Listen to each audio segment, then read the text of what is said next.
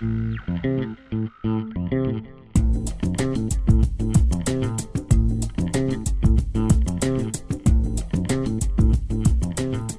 günden sonra da bu hafta Ali'nin hikayesine kaldığımız yerden devam edeceğiz. İlk bölümde Ali 14-15 yaşında bir ergen olarak kendini ararken mahallenin abilerine özenerek uyuşturucuya nasıl başladığını anlattı. Yeni bir kimlik bulan Ali halinden de bir hayli memnundu. Üstelik artık yalnız da değildir.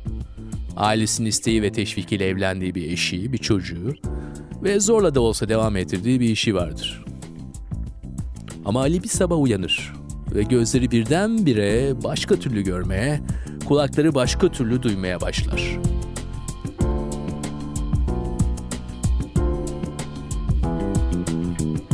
Şimdi Ali'nin bahçeli evine gidip gördüklerini ve duyduklarını bizzat dinleyelim.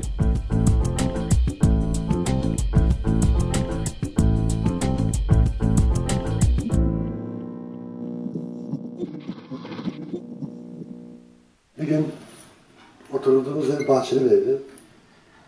Ben bahçeye ektim. Kenevir ektim. Dedim ya bak bu şimdi böyle bunu ara sıra sula, bunu ara sıra bak. Bu büyüyecek böyle. Çok güzel çiçek olacak, mis gibi kokacak falan. Zamanla onu suluyordu ben yokken. İlerleyen yıllarda ben yine esrarla yakalandım. Sivilde. Ve hanımı karakola davet ettiler. Karakolda komiser göstermiş. Demiş böyle böyle kocanın üzerine bunlar çıktı. O zaman anlaşıldı. Benim kullandığım. Hanım anladı. He, sen bahçeye ekersin bana çiçek versin dedi. Bak bunlarmış falan dedi. Ama bu yıllar geçtikçe kullandığım şeylerin dozu sürekli artıyordu. Bunu sık sık tekrarlıyorum. Çünkü ben her geçen yıl daha berbat duruma düşüyordum. Yani kendime bakamaz hale gelmeye başlamıştım. Çalışamaz hale gelmeye başlamıştım. Kötü günler gelmeye başlamıştı. Son 10 yılım, yani 23 yıl aktif süremin son 10 yılı çok kötü geçti. O son 10 yılda artık kullandığım dozların, kullandığım şeylerin dozu o kadar fazla artmıştı ki artık kendime bakamaz olmaya başlamıştım. Ve artık işten kovuldum. İşe kabul etmiyorlar beni. Berbat durumdaydım. Aile yaşantımızı nasıl etkiledi açıkçası hiç umurumda değildi benim. Benim derdim başkaydı. He, yine aynı evde beraber yaşıyorduk. Eşim çalışıyordu, çocuğa bakıyordu. Ben hiç bilmezdim bu işleri. Benim derdim hep sokaklardaydı. Bu son 10 yıl o kadar artmıştı ki bu kullandığım şeyler. Artık eve kaç günde bir geldiğimi bilmiyordum ben. Kendime geldiğimde bir çöp konteynerine yatıyordum. Kendime bir karakol kapısında yatıyordum. Bir gün camilerde, araba altlarında, parklarda, bahçelerde. Hatırlamıyorum. Sürekli kullanıyorum, sürekli kullanıyorum.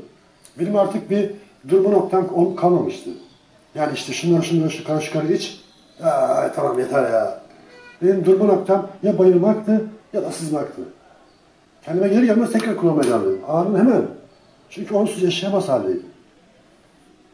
Son 10 yılım artık o kadar berbat oldu, geçmeye başladı ki sokaklarda kalmaya başlamıştım. Üstüm başım kan, sidik, çamur içindeydi. Kapalı alanlara beni almıyorlardı artık. Berbat durumdayım. Kim olsa almaz.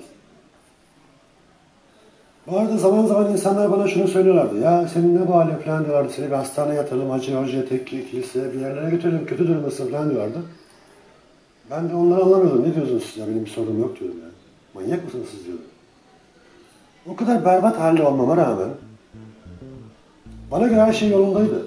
Bana göre bir sorun yoktu. Her şey yolundaydı. Ve ben kendimi çok iyi hissediyorum.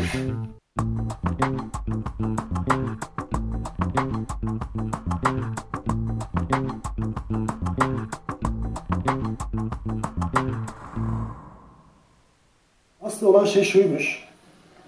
Ben kullandığım şeylerin bende yarattığı ruh halinin sayesinde kafamın içerisinde bir dünya yaratıyordum.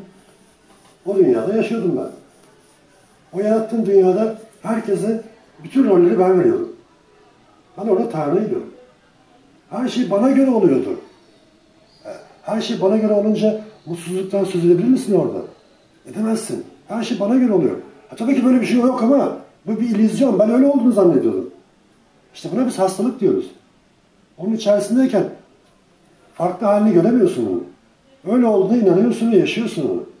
Berbat çamur içindesin ama ben hiç öyle görmedim kendimi. En yakışıklısı benim diyordum. En düzgün adam benim, en sağlıklı adam benim diyordum. En mantıklısı benim diyordum. Fakat tek kavrayamadığım bir şey vardı. Bana göre her şey normaldi ve ben çok sağlıklı ve iyiydim. Ama kullanmayan insanlar beni anlamıyorlardı. Ben buna şaşkın, çok şaşırırdım. Nasıl anlamazlar beni derdim ya. Benim kadar akıllı, mantıklı, sağlıklı bir adam var karşılarında.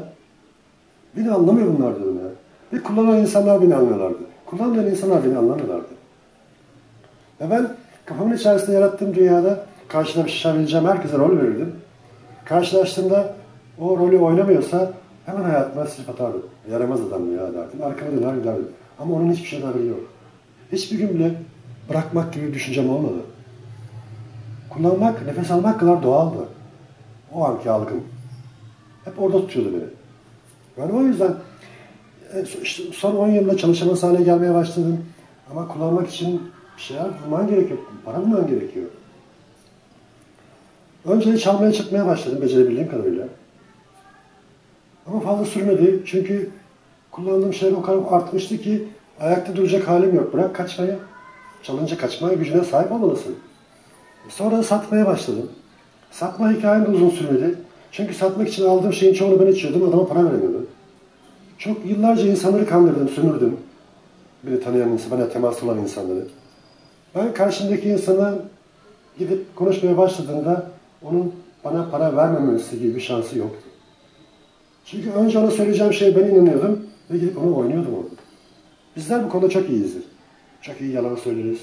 Çok iyi duygu sömürüsü yaparız. İnanılmaz manipülatörüzdür. Çok iyiyiz bu konuda. Ve ben yıllarca farkında olmadığım bu iyi tarafı kullanmışım. Tabii bir kere, iki kere, üç sefer, beş sefer daha sonra karşımdaki insan beni görünce artık kaçmaya başladı. Konuşursa kaybedecek yani ben onu gene sıkıştıracağım bir şekilde. Ben gerekirse oturup karşısında ağlarım, ağlarım, yalvarırım ya. Ayaklarına kapanırım ya. Başka çare, çarem yok ki. Tek çarem o benim. Ama geçen yıllar sonrasında beni gören dahi kaçmaya başladı. Kimseye ulaşamaz oldum. Tek başına kaldım. 23 yıl böyle 23 yılın sonuna kadar böyle geldim ben. 23 yılın sonunda o gün benim bir uyanışım, bir aydınlanmam, adını ne derseniz deyin. Bir farklı bir şey oldu.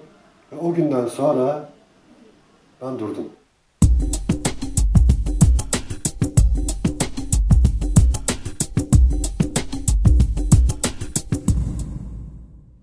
O gün şöyleydi. Bir gün kendime geldim evdeydim. Ve tek başımaydım. Beni evde pek yalnız bırakmasınlar. Kalktım, kimse yok evde. Hemen sağa sola kurcaladım. Bir büyük cin buldum. Büyük cini içmeye başladım ama bir gariplik vardı bende. Yerimde duramıyordum. Sürekli evin içerisinde dolanıp duruyordum. Bir, bir garip huzursuzluk vardı, tuhaflık vardı. Bir büyük cin bitti. Gittim bir büyük cin daha aldım geldi. İkinci büyük cini içmeye devam ederken tuhafım ya, yerimde duramıyorum ve sürekli dolanıp duruyorum. Sadece hatırlayabildiğim şuydu. Bir hiçlik duygusu vardı. Her şey bitti. Her şey bitti, her şey tükendi, hiçbir şey kalmadı. Ben ne yapacağım? Nereye gideceğim? Nasıl yaşayacağım? Hiçbir şey kalmadı ya. Ne gidecek bir yerim varmış gibi hissediyorum. Ne merhaba diyecek insan kalmadı. Kapıyı açıp sokağa çıkacak gücüm yok. Gidecek hiçbir yerim yok ki. Dışarısı dışarıda hiçbir şey var. Yani ne yapacağım? Böyle yaşanır mı? Bu endişeyle ben evin içerisinde dolup duruyordum. Odalardan bir tanesinde televizyon açıktı. Seyretmiyordum ama o odaya yaklaştıkça kulağıma bazı sesler çalınıyordu, takılıyordu. Muhtemelen karamsar bir Türk filmi vardı. Öyle tahmin ediyorum. Oraya yaklaştıkça oradan bazı kelimeler kulağıma takıldı. Ölmek, intihar etmek. Aa ben nasıl yaşayacağım, böyle yaşanır mı? Yaşanmaz ki her şey bitti, tükendi, ölmek, intihar etmek de girdi arasına. Ve bir süre sonra ölmek bana çözülmüş gibi geldi. Ve çok samimi geldi, sıcak geldi. Ben bu düşünceler arasında sonrasını hatırlamıyorum. Yani film kopmuş. Bayıldım herhalde. Ertesi gün eşim beni dürterken uyandım. Kalk kalk işe gitmiyorsun diyor. Ben evde kaldığım zamanlarda beni böyle dürter. Kalk kalk işe gitmiyor musun der. Ben de kalkarım ona abuk subuk cevaplar veririm. Sana ne lan ben giderim lan gibi. Bağırıp çağırırım. Ama beraber dışarı çıkarız. O kapıyı kilitler, işe gider. Ben sokaklara devam ederim. Beni evde bırakmaz. Çünkü ben evde yalnız kalırsam evi satar mıyım, evi yakar mıyım, eve adam mı doldururum, ne yapacağım belli değil. O yüzden o sabah da kalk kalk işe gitmiyor musun dedi. Her seferinde bağırıp çağırıyor odam. Tam hiçbir ses çıkmadı. Gözümü bile açmadım. Sadece onu duydum. Tekrar kalk kalk dedi. Kalktım. Oturdum. Ama kafamın içerisi boş bir kutu gibi. Ne duygu var, ne düşünce var, ne heyecan var, ne duygu, hiçbir şey yok. Bir boşluk hakim. Oturdum. Odanın ortasında böyle robot gibi bakıyorum. Hanım da yan tarafında ayakta duruyor, onu hissediyorum. O da benim halimi görünce onun da kafası karıştı herhalde. Şaşırdı. Lan ne oluyor bu adam her zaman böyle davranmıyor, şimdi tuhaf böyle. Bir süre sessiz kaldı. Bir süre sonra sen dün ne yaptığını hatırlıyor musun dedi bana. Benim hiç tepkim bozulmadı. Boş boş odanın ortasına bakmaya devam ettim ama o konuştukça kalp atışlarım hızlanıyordu. İnanılmaz hızlı atıyordu kalbi. O sessizlikte kalbimin sesini duyuyordum. Küt küt küt küt atıyordu. Ama hiç durumum bozulmadı. Öyle boş boş odanın ortasına bakmaya devam ediyordum. Daha sonra git bir mutfağa bak dedi. Ben sanki robot gibi o, komutu bekliyormuşum gibi hemen kalktım. Doğru mutfağa gittim.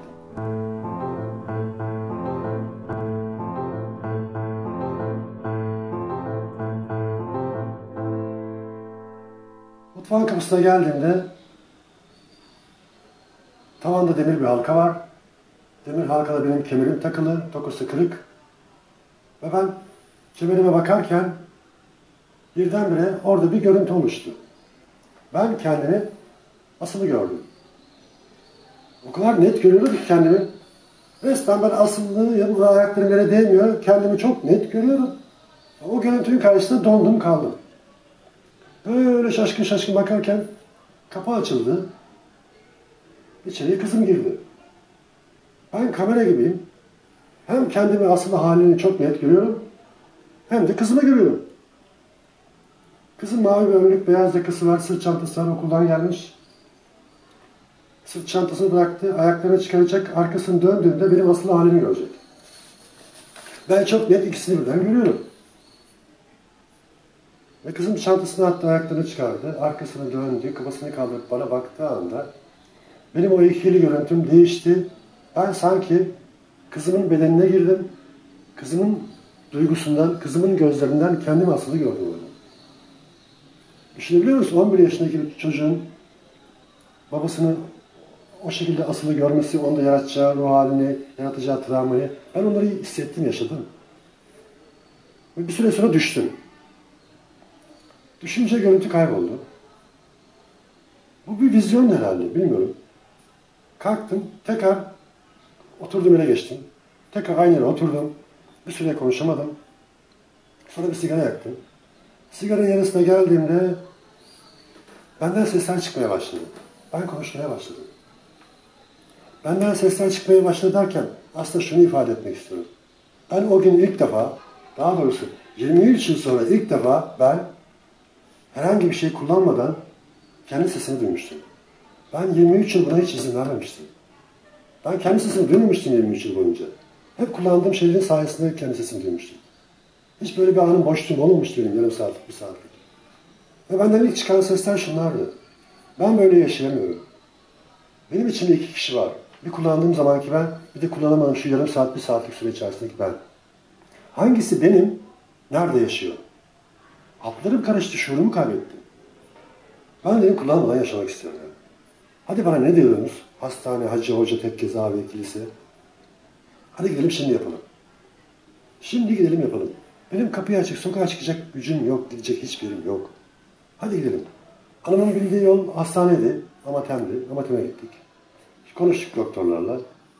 Bana yatış verdiler.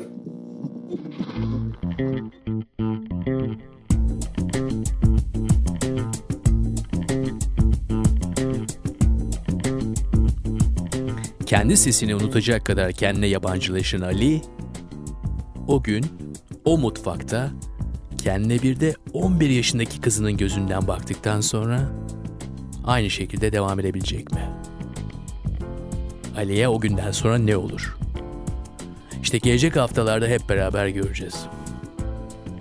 Evet hayatımız bir film şeridi olsa ve gözümüzün önünden geçse en önemli bölümleri bu o günden sonra parçalar oluşturacak belki de. Eğer senin de hikayesini paylaşmak istediğin bir o günden sonran varsa 1118.com seni bekliyor.